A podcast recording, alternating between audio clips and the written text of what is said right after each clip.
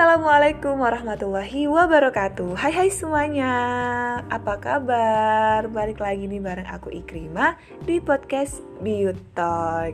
Nah teman-teman Di episode 3 ini Aku akan ngajakin kalian buat ngobrol sama Genbi berprestasi dari UIN Sunan Ampel Surabaya Nah, di sini sudah ada Kak Alivia Fitriani Hilmi dan juga Kak Alnafi Azahra yang akan menceritakan bagaimana proses mereka bisa menerbitkan buku secara gratis dalam lomba buku ajar nasional yang diadakan oleh Universitas Syiah Kuala.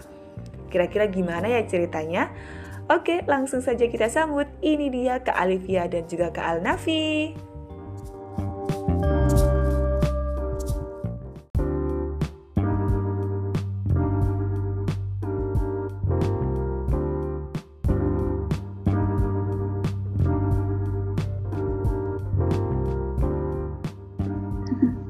Oke, assalamualaikum Kak Alivia dan juga Kak Alnafi.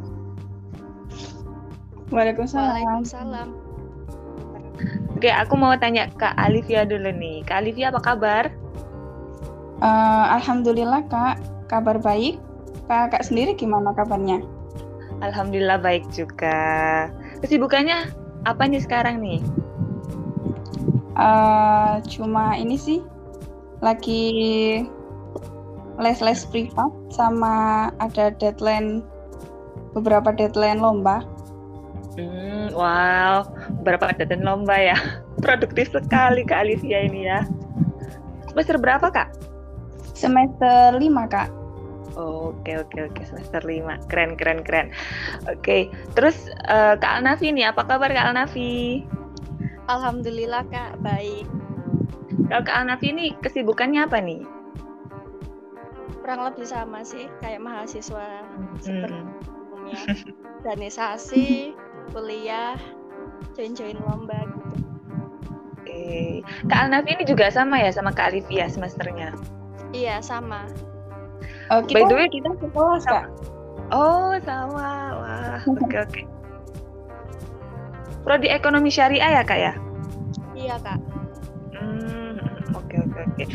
Nah jadi kan uh, Kak Alnafi sama ini uh, karyanya salah satu karyanya yakni bukunya berjudul vintage eh, fintech syariah dalam sistem industri halal teori dan praktik ya kak ya.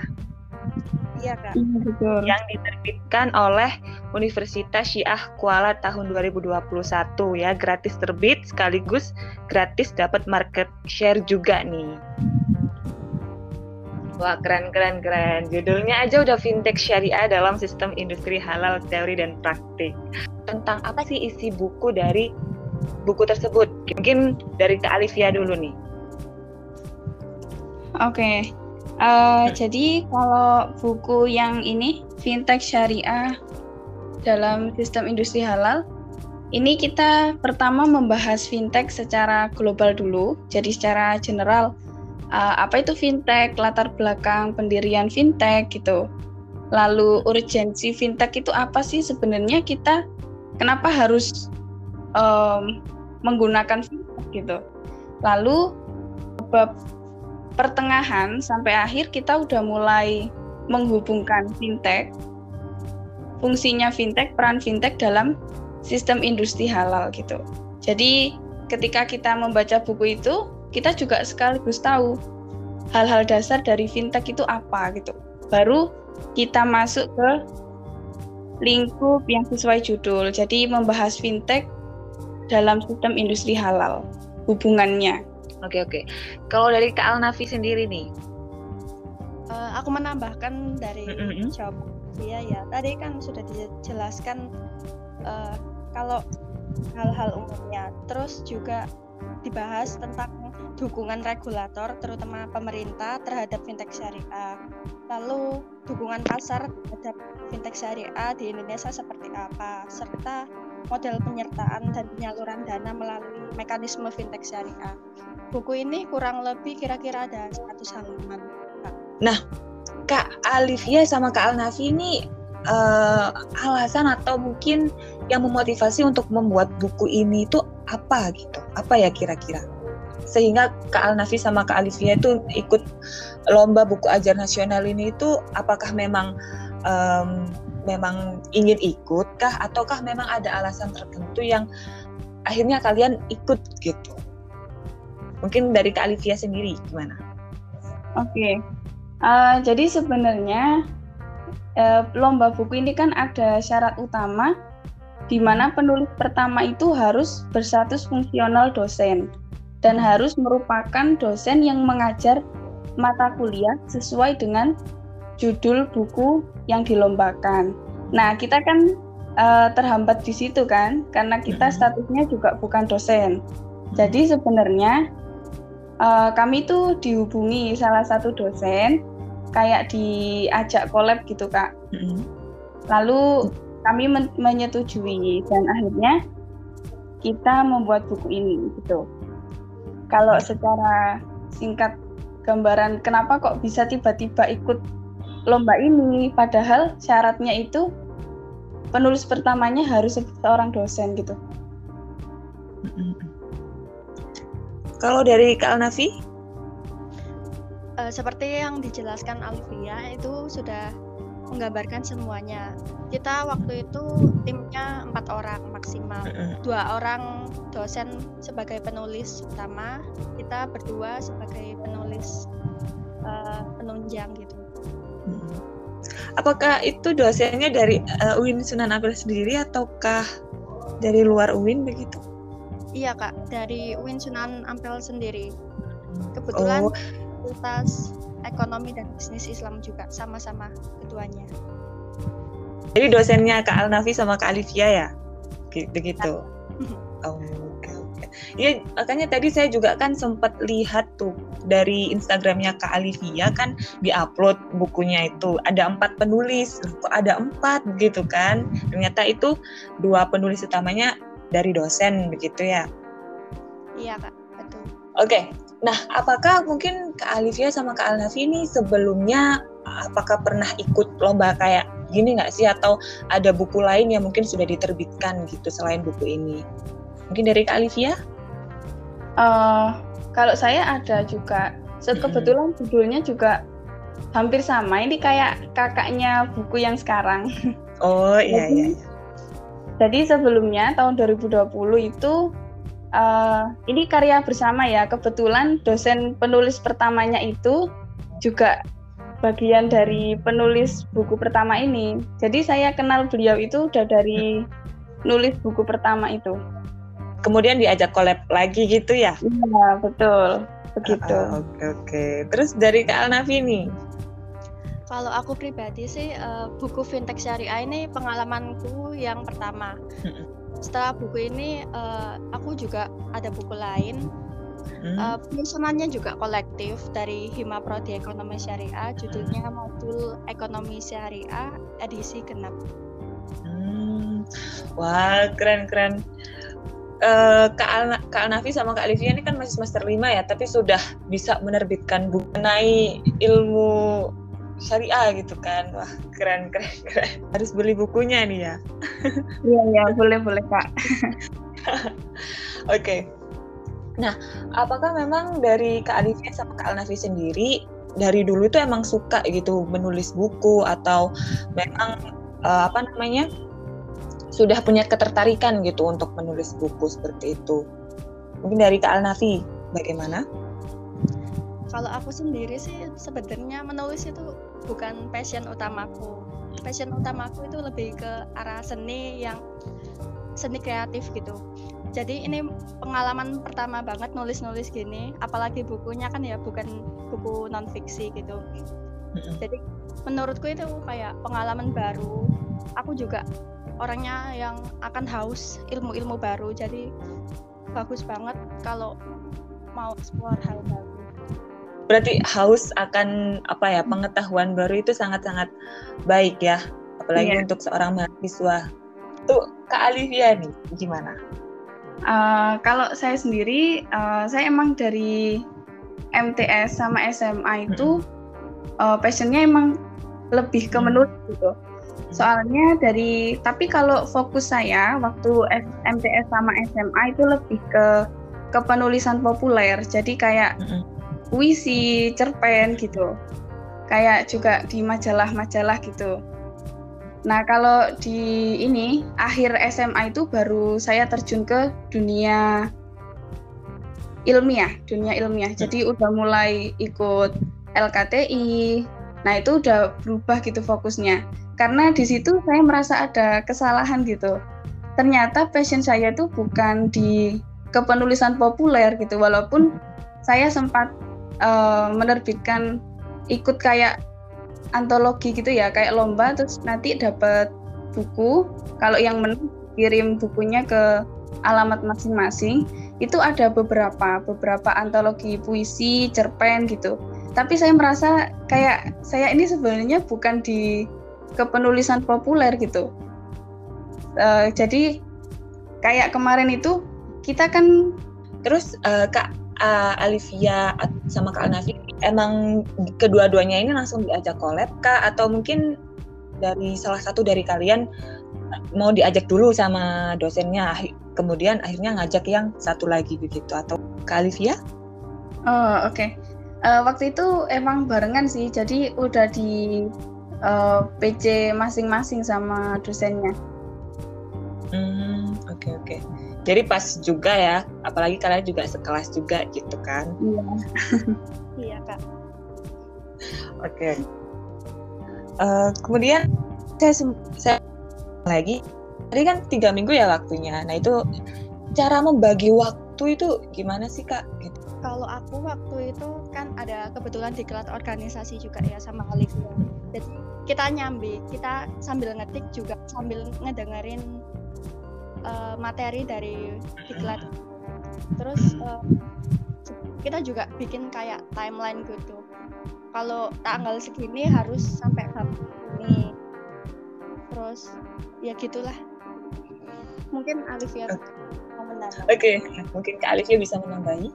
Ini juga merupakan sebenarnya yang kayak uh, dari awal yang membuat kita kayak terstruktur bisa tiga minggu selesai. Itu salah satunya juga konsep dari beliau ini Pak dosen.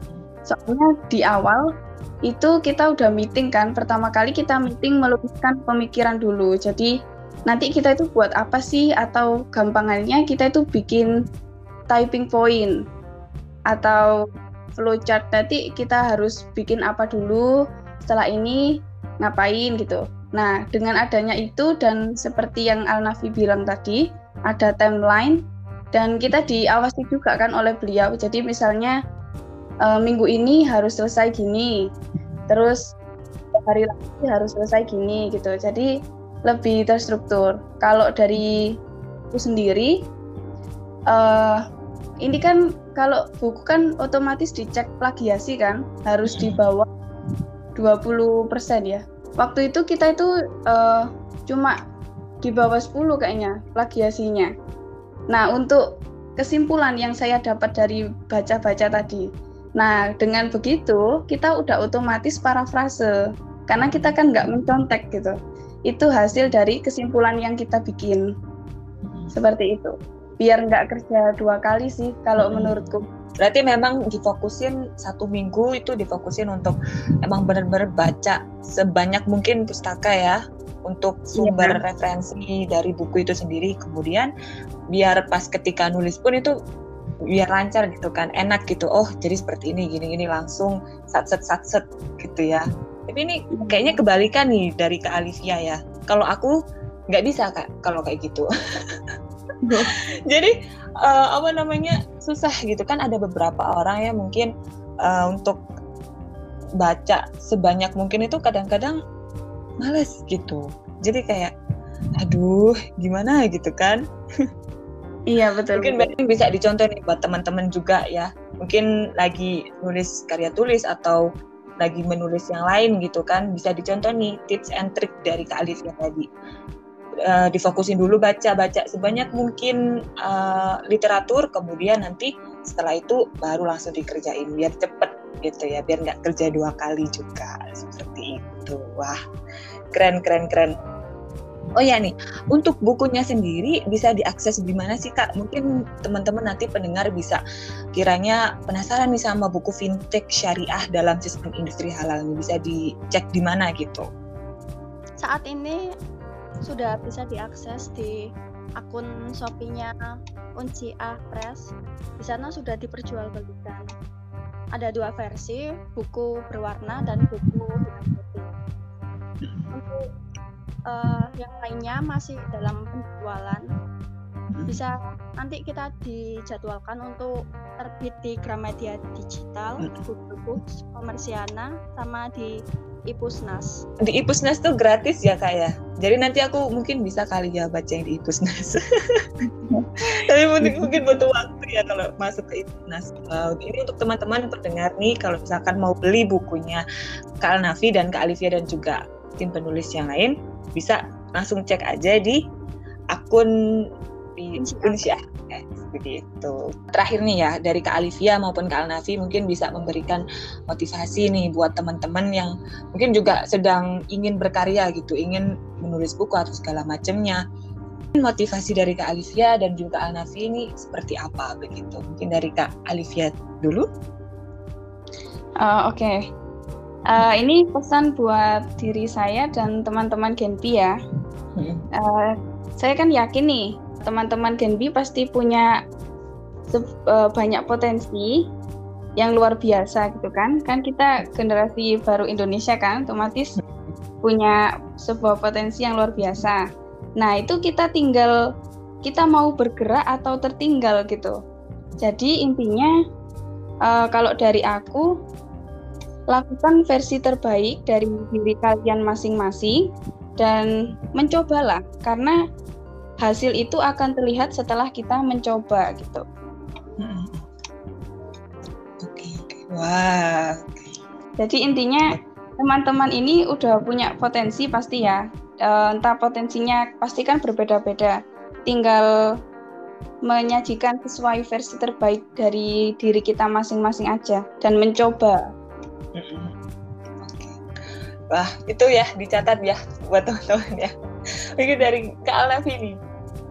Kalau dari aku, uh, untuk aku dan teman-teman, jangan batasi diri kalian untuk belajar di satu hal. Karena nanti akan merugikan kalian, karena ke depannya kalian menyesal kenapa kalian tidak mencoba pada saat itu.